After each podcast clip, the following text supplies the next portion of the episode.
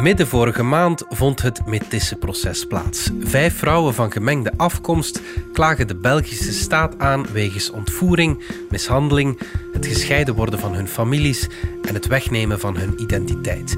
En dat alles op raciale basis vanwege hun huidskleur. De vrouwen zijn allemaal afkomstig uit Congo, de toenmalige Belgische kolonie. Ze maken deel uit van een grote groep mensen met een soortgelijk verhaal. In Congo is het plaatje minder eenduidig, maar in Rwanda en Burundi werd letterlijk jacht gemaakt op kinderen van gemengd bloed. Minstens 1300 mensen, elk met een uniek verleden. Jacqueline Goegebuur, die zelf metisse is uit Rwanda, vertelt over haar ervaringen. Voor iedereen geldt dat dat probleem zich ook bevindt in het niet kennen van je geschiedenis. En hoe meer dat die geschiedenis naar voren kwam en komt, hoe duidelijker dat je aanvoelt als zijnde een ja, gevangen in een web van uh, daden die er geweest zijn tegen ons gericht. Ze vertelt haar verhaal aan Veerle Peel van onze binnenlandredactie, samen met haar dochter Helene de Beukelare, die vandaag journaliste is bij onze krant. Ik denk dat ik nog maar 60% wist van wat je zo net hebt verteld. Ja. Het is donderdag 4 november. Ik ben Alexander Lippenveld en dit is vandaag de dagelijkse podcast van de Standaard.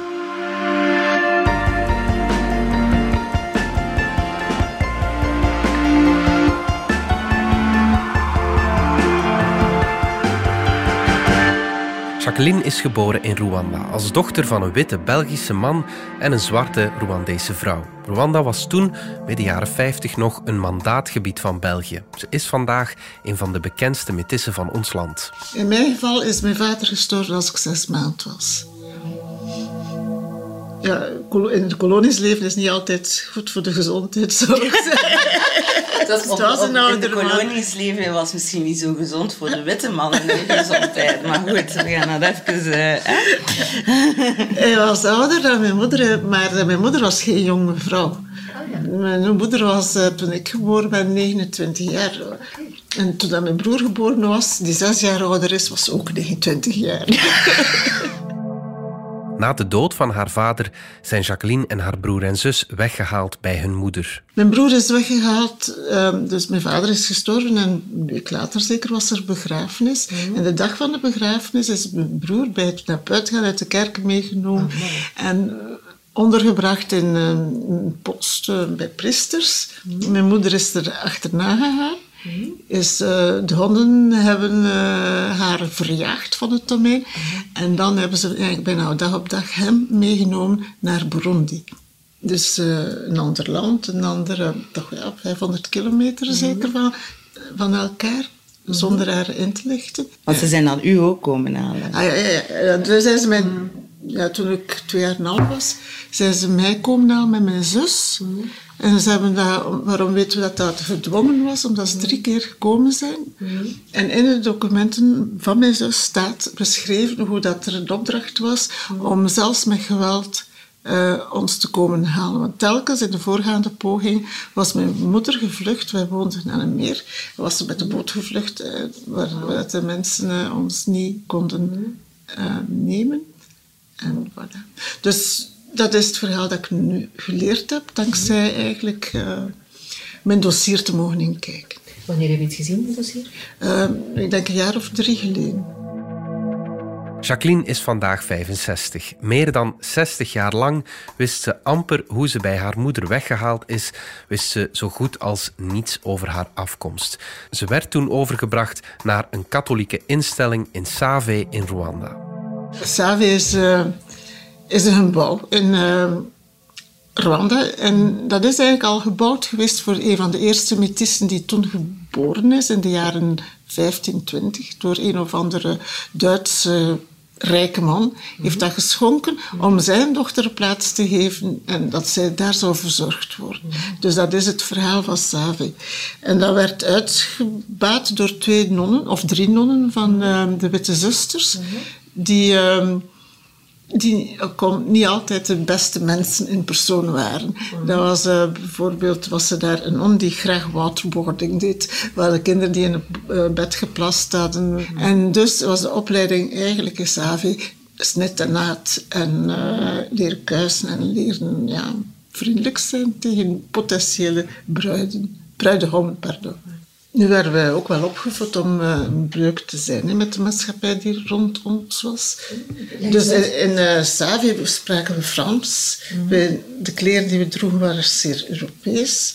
Dus dat was ook de bedoeling dat we eigenlijk ons uh, toch niet zouden vereenzelvigen. En ook het feit dat, zeker in Congo, men verplaatste de kinderen duizend kilometer verder. Mhm. Dat wil zeggen dat ze ook de taal niet begrepen van degene die rond hen was. Dat ze bewust uit hun milieu werden geselecteerd. Ja, er is ook een heel duidelijke raciale politiek van hoe dichter bij wit, toch nog hoe beter. Hè? En metisse werden toch wel gezien als superieur aan... De DNA werd gezien als superieur. Hun DNA werd gezien als superieur. Voor de rest werd je inferieur. Jij bent een, ver, een verpersoonlijking van relaties die niet mochten plaatsvinden. Ja, ja, ja. Of dat die relaties positief zijn of niet, dan, dan laat ik het midden. mocht seksueel wel. Ja, maar dan mochten geen kinderen maar mocht, Nee, maar het is zelfs niet de kinderen dat het probleem is, het is de liefde die het probleem is. Het feit dat je die andere persoon gaat zien en respecteren, dat mag niet. Jacqueline verbleef maar een zestal maanden in Save. Maar de herinnering aan het opvangtehuis die is wel blijven hangen. Daar is mijn eerste beeld van wie ik ben geboren. En toen we daartoe kwamen, was ik met mijn zus daar. En toen hebben ze ons uh, in een groot bed gelegd. En wij moeten ons zeer ongelukkig gevoeld hebben. We sliepen samen. En toen zaten, dat is een verhaal dat ik altijd vertel, omdat dat ook eens bijgebleven is. Toen zaten we met onze voeten tegen elkaar. Dus om te voelen waar dat de andere was, eigenlijk een beetje, we durfden niet echt komen bij elkaar. We waren Pas later zijn we dan uh, uit elkaar, wat meer uit elkaar gehaald. Maar uh, dat is toch... Ik heb daar men verteld toch, dat ik daar nooit één keer geglimlacht heb. Geen enkele keer in al die maanden. Maar ik ben daar zeer triestig geweest. Dat, dat, is nog altijd... Ik ben daar twee keer geweest en uh, ik kan daar niet binnen gaan in dat gebouw. Ik kan alleen buiten staan kijken naar dat gebouw. Uiteindelijk is ze terechtgekomen in een Belgisch pleeggezin. Ze ging jaren geleden terug naar Rwanda toen ze begin de twintig was, om op zoek te gaan naar haar moeder. Maar die zoektocht die draaide uit op een grote teleurstelling. Uh, ik ben daar vanuit de erfenis van mijn vader had ik geld gekregen. En dat was zo een idee van als ik dat geld krijg, ga ik naar Ronda terugkeren. En uh, ik ga weer daar een huis mee bouwen. En dat is gelukt. Ik heb daar een klein citéhuisje mee kunnen kopen. En ik ben daar ook met dat geld dan naar Ronda getrokken. Maar dat was nog in de, met mij in het idee van... Ik ben verlaten door mijn moeder en ik... Uh, en ook uh, de, de verhalen van, van de anderen, van pas op als je moeder gaat bezoeken, ze gaat van je profiteren, ze gaat je geld vragen, ze gaat, uh, oh ja, en misschien is het zelfs je moeder niet, want dat was ook zo, je moet opletten, je moet zeker zijn dat dat je moeder is, want veel vrouwen zeggen dat ze, zo zeggen dat ze jouw moeder zijn om je geld te kunnen aftrokken. En op die manier ben ik vertrokken en ik ben daar naartoe gegaan. Ik ben daar overweldigd geworden. Ik ben daar toegekomen en daar stond 100, 150 man. Die Hans, die omgeving, stond daar. Dus, uh, en de, uiteindelijk komt dan het gesprek, uh, die eigenlijk ja, tegenover een arena van 150 mensen, toeschouwers, dat, dat ontmoet elkaar niet. Ja. En ik, ja, dat wantrouwen is opgeborreld. Uh, en uh, ja, uiteraard, zij vroeg dan ook van, uh, ik ben ik arm. En dan brak dat van, zie wel, dit is ook een vrouw die eigenlijk, eigenlijk alleen maar mij zoekt voor het geld. En, uh, voilà. en ook in haar opbouw van haar verhaal zijn er een aantal dingen ofwel verkeerd vertaald of verkeerd doorgekomen. Waardoor dat ik eigenlijk dacht van, dat is mijn moeder niet. En dan ben ik weggegaan en heb ik haar nooit meer gezien. Voor Helene, de dochter van Jacqueline, is dit ook een moeilijk verhaal. Ook zij kent een deel van haar eigen achtergrond niet. We hebben daar nooit veel over gesproken. Dat zijn dingen waar je niet kunt zomaar over spreken. Van, Helene zet een keer neer en luistert is goed. Alles wat we hier bespreken is gaat over het doorbreken of het, het afnemen van narratieven. En als mijn moeder ze dan moet herstructureren, is dat ook moeilijk om ze dan onmiddellijk aan haar kinderen door te geven, want zij zit nog niet met een volledig verhaal. Dus, En met half informatie en eh, emoties te verwerken. En het zijn dingen die je niet zomaar kunt in één brok geven aan je kind. Met alle miserie en verdriet en pijn die daarbij komt kijken. Die informatie zal wel tot mij komen, hoe dat ze tot mij komt met de tijd. Bij mijn ouders thuis staan er zo redelijk veel oh ja, oude foto's en dat soort dingen. En er stond de hele tijd een foto op de keukenkast. Maar ik had dat niet geregistreerd van, van een man op een zebra. En op een dag vroeg ze, ja, wie is dat eigenlijk? Ah ja, dat is uw grootvader.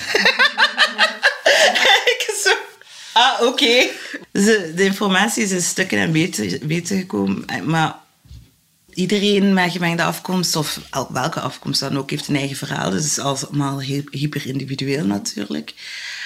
Er is veel debat over identiteitspolitiek en, en waar, waarom zijn die mensen zoveel bezig met hun identiteit. En, en, Komt vooral uit mensen, van mensen die niet weten hoe dat is om, om een, een verlies van identiteit te ervaren. Ik heb een heel sterk ontwikkelde, duidelijke visie op mijn identiteit vanuit mijn vaderskant. Uh, maar dan langs de andere kant weet je ook zeer goed hoe het is om geen identiteit te hebben. En ook hoe pijnlijk dat de muren zijn waar je dan tegenloopt. Dat is gelijk iets dat in je ooghoek zit, maar dat je niet naar kijkt. Snap je? Je ziet het niet volledig of zo. En dan begint je steeds meer een beeld te vormen van wat dat daar in je ooghoek zit. En dat is nog altijd pijnlijk om naar te kijken. Ik vind wat dat daar gebeurd is, uh, ja, dat, dat heeft mij beïnvloed, want ik denk dat dat mij iets fundamenteel ontnomen heeft. Helene ging uiteindelijk ook zelf naar Rwanda, op zoek naar haar afkomst. Dat was geen gemakkelijke ervaring. De enige levende zoon van mijn grootmoeder. Die zij nog heeft gekregen nadat mijn moeder uh, en haar broer en haar zus zijn weggehaald. Uh, die heb ik daar ontmoet. Uh, dat was mm, ook geen aangenaam moment. um, omdat mijn oom... Dat de genocide is gepasseerd. De genocide is gepasseerd. En laten we zeggen dat dat serieuze... Um, serieuze imprint op, mijn, op onze familie heeft achtergelaten. En zeker op hem. Dus uh, het was niet zo, niet zo makkelijk. Maar ik ben wel zeer dankbaar dat ik dat gedaan heb. Ik, bijvoorbeeld mijn zus en mijn moeder lijken heel goed op elkaar. Mijn moeder zegt altijd dat, dat wij ook heel goed op elkaar lijken. Maar ja, mijn, mijn moeder en mijn zus hebben fijne lippen en een fijne neus. En ik heb een brede neus en brede lippen. En dat zijn ja, altijd de vragen geweest van waar kwam dat vandaan. En toen ik mijn neefje, mijn kleine neefje heb ontmoet, heb ik het gezicht gezien waar dat, dat mijn gezicht is. Dus dat was een heel bevreemdende ervaring. Een huwelijk tussen een koloniale witte man en een zwarte vrouw werd na de onafhankelijkheid niet erkend door de Belgische staat, hoewel ze lokaal wel erkend werden. Daardoor zijn de Metissen voor de wet bastaardkinderen. Dat gebrek aan erkenning is volgens de Metissen de basis van een heel grote discriminatie. En dat is eigenlijk de basis van, van, uh, van de discriminatie, het niet erkennen van je verwantschap met je moeder en met je vader. Dus het feit dan ook, zij die bijvoorbeeld de vaders die hun kinderen erkenden, daardoor verloor de moeder de band met het kind. Dus eh, dan was dat zo in elkaar. zolang dat je niet erkend werd door je vader, was de moeder jouw moeder, hè? Mm. volgens lokaal gebruik. Maar door de erkenning van je vader verloor de moeder alle rechten op haar kind. Vandaar dat de vaders zeer gemakkelijk al de kinderen die ze wouden meebrengen naar België hebben kunnen overbrengen. Mm. Want de moeders konden daar niks over zeggen. Mm-hmm. En dat is ook vaak gebeurd. En dat, daar weten we, we hebben zelfs geen idee van hoeveel dat, hoeveel dat, dat er zijn. Dat is ook enorm taboe. Hè? bedoel, eh, tegen die mensen die hier gekomen zijn zonder een moeder, mm. zeggen van dat is het werk van je vader. Is dat is niet het werk van het vader. Dat is het werk van, van administratie die zo opbouwt dat je kind alleen maar volwaardig Belgisch onderwijs kunt geven als je eigenlijk de knip doet met de moeder. Dus uh, het is uh, een samenspel geweest van iedereen die komt. heeft er een stukje aan meegebouwd. Aan de segregatie. We zijn terug na de reclame. 7 uur opstaan, 7 uur 30 half uur joggen, 8 uur call met mijn ex, hm. 9 uur eerste meeting op het werk, 10 uur presentatie voorbereiden, 10 uur 30 presenteren, 12 uur de zoveelste meeting, 14 uur 221 mails beantwoorden, 18 uur de kinderen helpen met hun huiswerk wiskunde en om 20 uur 30 eindelijk verder bouwen met Lego. Even tijd voor jezelf nodig? Vind je flow met Lego en geniet van een ontspannende uitdaging. Zoek op Lego Sets voor volwassenen. In 2019 excuseerde toenmalig premier Charles Michel zich in de Kamer tegenover de métissen voor de slechte behandeling die ze kregen. Au nom du gouvernement fédéral belge, je présente mes excuses aux métis issus de la colonisation belge et à leurs familles pour les injustices et les souffrances qu'ils ont subies. Maar voor Helene was dat een erg moeilijke dag. Ik was nooit een fan van die excuses. Ben daar eh, nooit voorstander van geweest. Ik vond dat de grootste belediging die mogelijk was. Ik, ik ben daar nogal radicaal in misschien, maar eh, ik was woedend die dag. Ik vond dat echt niet kunnen. Dat was vlak voor de verkiezingen. was zo duidelijk gewoon zo'n mislukte ja, poging om nog iets los te krijgen ergens of zo. En ik vind ook dat de metisen daarin misbruikt zijn geweest, want dat is ook veel fout bericht geweest als een excuses voor het koloniaal verleden of de eerste soort opening naar excuses voor het koloniaal verleden en zo. Maar die excuses waren heel specifiek ehm, naar een bepaalde groep gericht. En dat heeft ook een heel sterke verdeel- en heers impact gehad binnen de diaspora. Ja, er was, waren veel mensen kwaad over. Au nom du gouvernement fédéral, je reconnais la ségrégation ciblée dont les métis ont été victimes sous l'administration coloniale du Congo belge et du Rwanda-Urundi jusqu'en 1962 et suite à la décolonisation ainsi que la politique d'enlèvement forcé y afférente. Want dat was ook van, ja, ik bedoel, je gaat je excuseren aan die mensen, maar what, what about hè, al die andere mensen? Ehm, ja, dus dat is... Ik vond dat, ik vond dat vies, ik vond dat niet correct. Historisch trauma, dat duurt, hè? Dat, dat, zindert door je samenleving. Als ik door Brussel loop, Brussel de facto is een koloniale stad. Alles hier is gemaakt met koloniaal geld. Elke, elke poging zal mislukken. Maar ik zou gewoon graag deftige pogingen zien. Jacqueline moest haar hele leven dankbaar zijn, omdat ze gered is, omdat ze een toekomst gekregen heeft in een welvarend land. Maar je wil niet altijd dankbaar zijn. Dat is gekeerd. Tot voor kort was het enige wat ik mocht zijn dankbaar. En dat was de enige emotie dat ik mij toegelaten was. Voor de rest was alles dat niet dankbaar was, werd beschouwd als... Allee, joh, dit, dit kan, we doen zoveel voor u en je bent ondankbaar. En terwijl op dat moment weet je dat dat eh, niet meer speelt. Ja, wat blijft er dan nog over? Dat is die, die zoals je actes die niet in orde zijn, die zouden moeten in orde zijn. Het feit dat je niet kunt trouwen wanneer je wilt. En dat zijn geen grootste dingen. Hè? Dat is echt... De Métissen willen erkenning en ze willen hun eigen geschiedenis kunnen uitzoeken. De vijf vrouwen die de staat aanklagen in het Métissenproces, die vragen inzage in hun dossier. En dat blijkt niet altijd even gemakkelijk. Er is maar liefst 20 kilometer archief. Dat is zoeken naar een speld in een hooiberg. Welke staat kan, heeft... eh, Er is een decolonisatie, je pakt alle papieren mee en je zegt van nu ga ik dat hier laten stikken. Dus al die mensen die daar gegevens moeten mee leven met, met die papier, die worden gewoon in de steek gelaten op dat moment. En als je in de tijd naar het archief ging, dan mocht je ook content zijn als goeiedag zeiden. Hè. Dat was... eh, ik heb, was, ja, dat was hier ergens in Brussel. Hier vlakbij. Ik, ik heb nog mijn papier gaan vragen. Dan kreeg je zo'n briefje dat ze zo, waar dat er twee keer niets op stond. Mijn dossier, je dossier kreeg niet. Voor de vijf vrouwen die de staat nu aanklagen, is de kans misschien klein dat ze hun dossier ooit kunnen inkijken. De probabiliteit dat die mevrouw iets gaat vinden is zeer klein, want men zegt van 20 kilometer, hè, moet, daar is er heel veel, groot deel van rot, kapot. Daar is ook een ander groot deel van geclassificeerd. En dan moet je dan ook weten dat de kolonisatie niet zo ordentelijk verlopen is en dat men dingen daar ook achtergelaten heeft.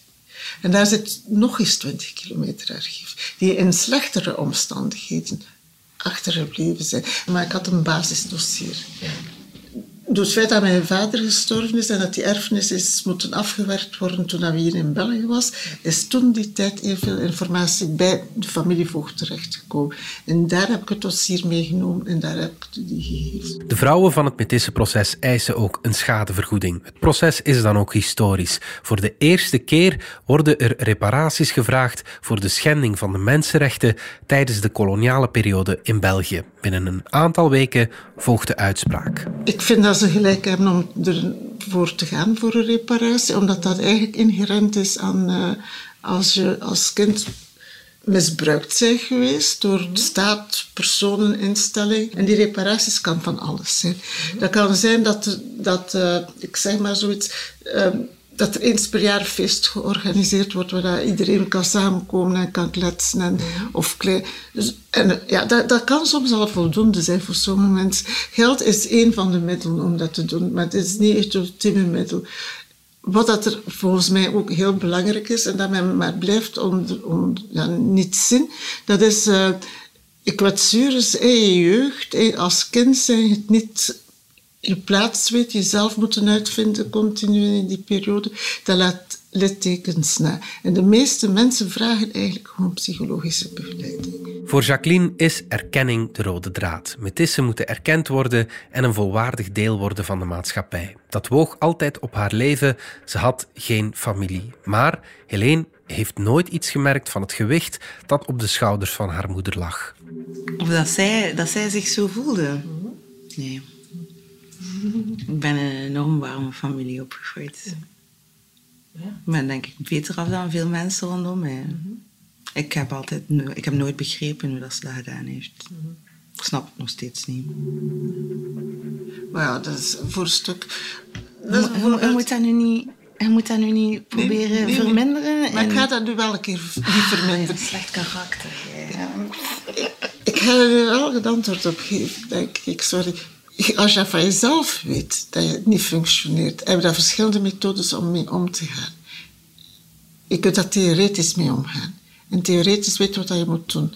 De feesten en de weekends dat we met vrienden organiseerden, dat was het antwoord op het niet hebben van familie waarmee dat je het deed. Mhm. En dus je kunt dat theoretisch oplossen, maar dat, dat, dat blijft hier blijft dat wel nog altijd een beetje haperen. Ja, maar ik snap dat jij dat zo hebt gedaan, maar ik heb dat nooit gevoeld. Want het is door dat te doen dat het ja, maar ik heb het ook nooit als afwezig ervaren. Ah ja, maar dat was ik ook niet. Het is niet dat, je, het is niet dat iemand anders je rol innam of zo. Nee.